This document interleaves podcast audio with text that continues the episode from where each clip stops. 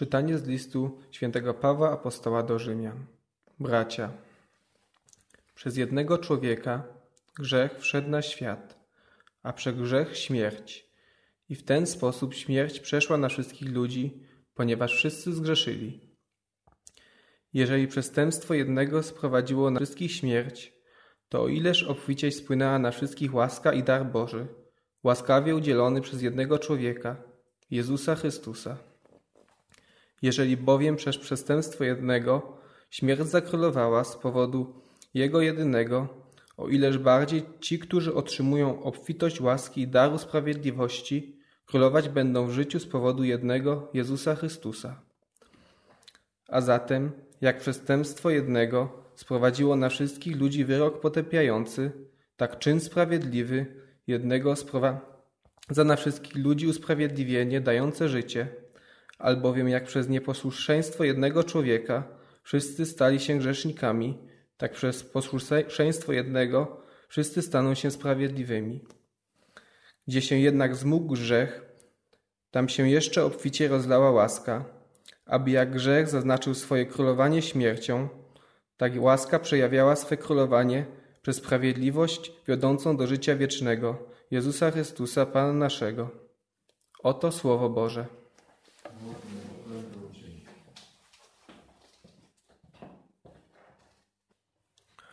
Pan z wami. Słowa Ewangelii według świętego Łukasza. Jezus powiedział do swoich uczniów: Niech będą przepasane biodra wasze i zapalone pochodnie, a wy, podobni do ludzi oczekujących powrotu swego Pana z uczty weselnej, aby mu zaraz otworzyć, gdy nadejdzie i zakołacze. Szczęśliwi owi słudzy, których Pan zastanie czuwających, gdy nadejdzie. Zaprawdę powiadam wam, przepaszę się i każe im zasiąść do stołu, a obchodząc będzie im usługiwał. Czy o drugiej, czy o trzeciej straży przyjdzie, szczęśliwi oni, gdy ich tak zastanie. Oto słowo Pańskie.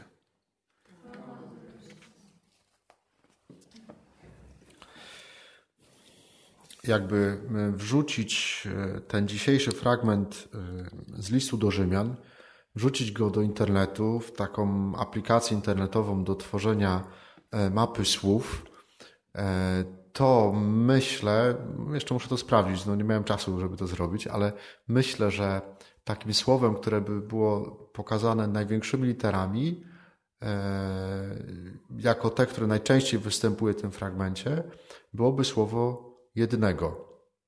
To jest co, co chwilę, to aż się źle czyta i źle słucha, bo Paweł co chwilę mówi, e, jakby powtarza to jedno słowo, to jednego. Nie? Przez jednego człowieka wszedł grzech, a przez jednego człowieka przyszło usprawiedliwienie i tak dalej, i tak dalej.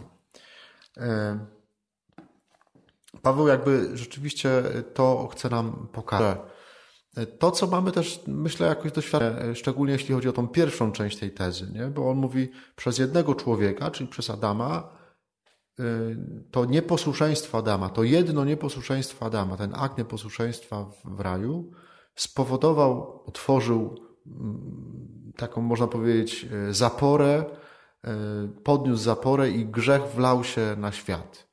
I my to doświadczamy bardzo konkretnie E, Tomek e, Kornek, e, diakon, jakby pisząc takie rozważanie do tego, do tego tekstu, mówi o takim przykładzie przedszkolnym, nie? że jedno dziecko przychodzi do przedszkola chore i po prostu momentalnie ta choroba się, no właściwie nagle powoli zaczynają wszystkie chorować. Nie? Jak u nas było w domu, to też to w tej skali domowej też tak wyglądało, nie? że jak ktoś tam przyniósł coś z przedszkola, no to później e, po kolei wszystkie dzieci chorują. Nie? E, w takiej większej skali, no to przykład bardzo konkretny, jak jedna informacja, czy jed, jeden, jeden zły czyn, e, na przykład grzech jakiegoś księdza, kwestia pedofilii na przykład, ile potrafią zrobić zła w kościele. Jak ta jedna informacja potrafi rzeczywiście tyle zamętu i tyle rzeczywiście takiej, no po prostu zła zrobić w całej wspólnocie. przykład kościoła w Irlandii, który jeszcze nie tak dawno, e, no po prostu to był rzeczywiście kościół tętniący życiem, byśmy powiedzieli.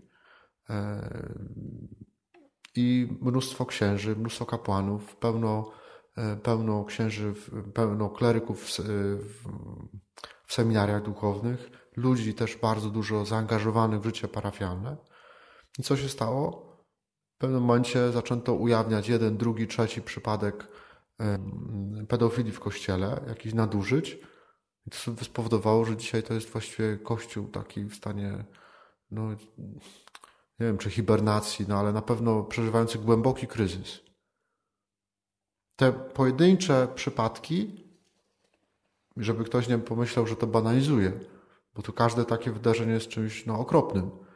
Ale mimo wszystko w skali całości e, pojedyncze przypadki, jakieś e, takie widziałem, e, mam nadzieję, że to nie jest fake, nie? takie oświadczenie, jakieś tam pismo Ministerstwa Spraw Wewnętrznych sprzed kilku lat, w którym jest pokazane jakby ta proporcja między ilością osadzonych, jeśli chodzi o Polskę, ilością osadzonych w ogóle za pedofilię, a promil z tego to są osoby duchowne. A jaki mamy obraz? Obraz mamy taki, tak zrobiony i tak to też zadziałało w Irlandii, no, że po prostu pedofilia równa się osoby duchowne, czy osoby duchowne równa się pedofilia. I to jest, słuchajcie, bardzo konkretne pokazanie właśnie tego, o czym pisze święty Paweł. Że jeden człowiek, zło jednego człowieka potrafi rzeczywiście zarazić no w przypadku Adama zaraziło cały rodzaj ludzki. Trochę trudniej jest, mam wrażenie, nam doświadczyć tego, tego, tego drugiego jednego, czyli tego człowieka e, pisanego przez, e, przez duże C. Tego, tej łaski, którą, e, którą ten jeden człowiek przez duże C e, przez swoje posłuszeństwo wprowadził na świat. Bo Bóg, y, jak lekarz, zobaczył, że no, choroba polega na nieposłuszeństwie. To jedno nieposłuszeństwo, żeby je, e, żeby je po prostu zwalczyć, należy zwalczyć je, jed... zwalczyć to nie jest dobre słowo w ogóle, ale trzeba je naprawić jednym absolutnym posłuszeństwem. Dlatego posłała swojego syna, który tym jednym absolutnym posłuszeństwem e, nie tylko gładzi to nieposłuszeństwo, ale jak, y, jak na końcu Paweł pisze w tym fragmencie dzisiejszym, tam gdzie wzmógł się grzech, tam jeszcze obficiej rozlała się łaska. To jedno nieposłuszeństwo przez to zostało y, zastąpione, y, zwyciężone przez to jedno absolutne posłuszeństwo Syna Bożego. I tam, gdzie wzmógł się grzech, tam obficie rozlewa się łaska, rzeka łaski. Trudniej, mam wrażenie, jest nam doświadczyć tego, że dobro jednego człowieka może no, jakoś rzeczywiście poruszyć innych ludzi. Może dlatego, że to dobro nie jest tak krzykliwe jak zło. Nie jest takim łatwo sprzedającym się tematem. Nie? To, to, to, nie ma, to, jest, to jest żadna informacja po prostu. To jest żadna informacja, że ktoś coś dobrego zrobił ale że ktoś coś złego zrobił, no to na tym można zbić pieniądze, nie? To można mielić tą informację przez jakiś czas, aż się znudzi, a wtedy będzie znowu e, jakaś jedna e, zła informacja, nie? Zła informacja to dobra informacja dla mediów, nie? Więc może dlatego trudniej jest nam doświadczyć, jakoś zobaczyć. E, też nasz wzrok, mam wrażenie, jest trochę przyćmiony przez, przez, nasze, na, przez nasze grzechy, nie? Na, na to widzenie dobra, nie? że łatwiej nam jest zobaczyć, łatwiej, wyraźnie widzimy to, co złe. Jakie są konsekwencje tego dla naszego życia? No bo to jest taka rzeczywiście na tyle, na ile w moim wykonaniu może być wygórowana teologia. Jak, jak się to odnosi do mojego życia? Zobaczcie, że jeżeli Paweł przykłada, tak, tak dzisiaj wykoncypowałem, jakoś chodząc z tym, e, z tym tekstem, jeżeli Paweł przykłada tak wielką wagę do jednego czynu, do jednego nieposłuszeństwa i do jednego absolutnego posłuszeństwa, to, to znaczy dla nas, jakby przekładając to na naszą codzienność, że nie, że jeden pojedynczy czyn jest ważny, ale każdy czyn jest ważny, bo to ten każdy czyn może być tym jedynym, w którym decyduje się, że ja otwieram w moim sercu albo e, wybieram to, co dobre, to posłuszeństwo, albo nieposłuszeństwo.